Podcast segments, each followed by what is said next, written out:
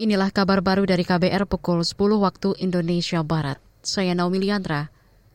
Saudara, Presiden Joko Widodo meresmikan Sodetan Ciliwung di Jakarta hari ini. Menurut Kepala Negara, Sodetan Ciliwung baru bisa mengatasi sekitar 62 persen banjir di ibu kota. Untuk itu diperlukan penanganan banjir dari hulu hingga hilir secara menyeluruh. Kemudian hari ini telah selesai dikerjakan sodetan Ciliwung. Dan untuk penanganan banjir di Jakarta itu belum cukup. Karena kita di Jakarta tidak hanya ngurusi yang namanya sungai Ciliwung saja. Ada 12 sungai yang lain yang juga perlu ditangani secara baik. Ada sungai Sunter, sungai Cipinang, sungai Baru Barat, sungai Baru Timur, sungai Mokofat, sungai Pesanggerahan, dan lain-lainnya. Presiden Jokowi mengatakan penanganan banjir di Jakarta harus dikerjakan Pemprov DKI bersama-sama Kementerian Pekerjaan Umum dan Perumahan Rakyat PUPR. Kita ke informasi hukum.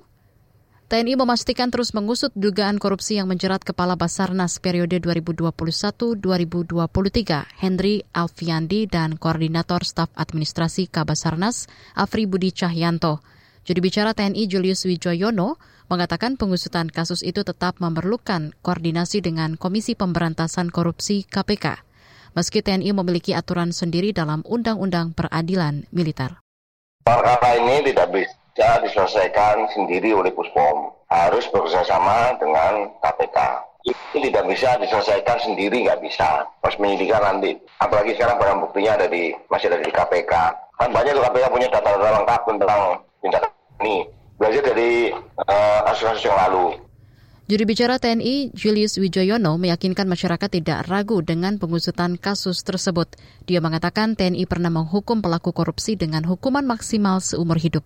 Sebelumnya KPK menetapkan lima tersangka korupsi suap pengadaan peralatan pendeteksi korban reruntuhan di Basarnas tahun anggaran 2023.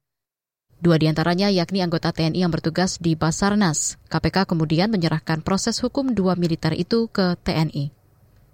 Terakhir ke lantai bursa, indeks harga saham gabungan IHSG dibuka menguat 23 poin ke posisi 6.923.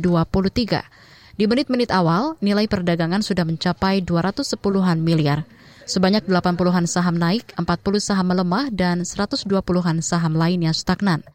Melansir kontan, penguatan IHSG disokong sebagian indeks sektoral, mulai dari sektor industri hingga keuangan.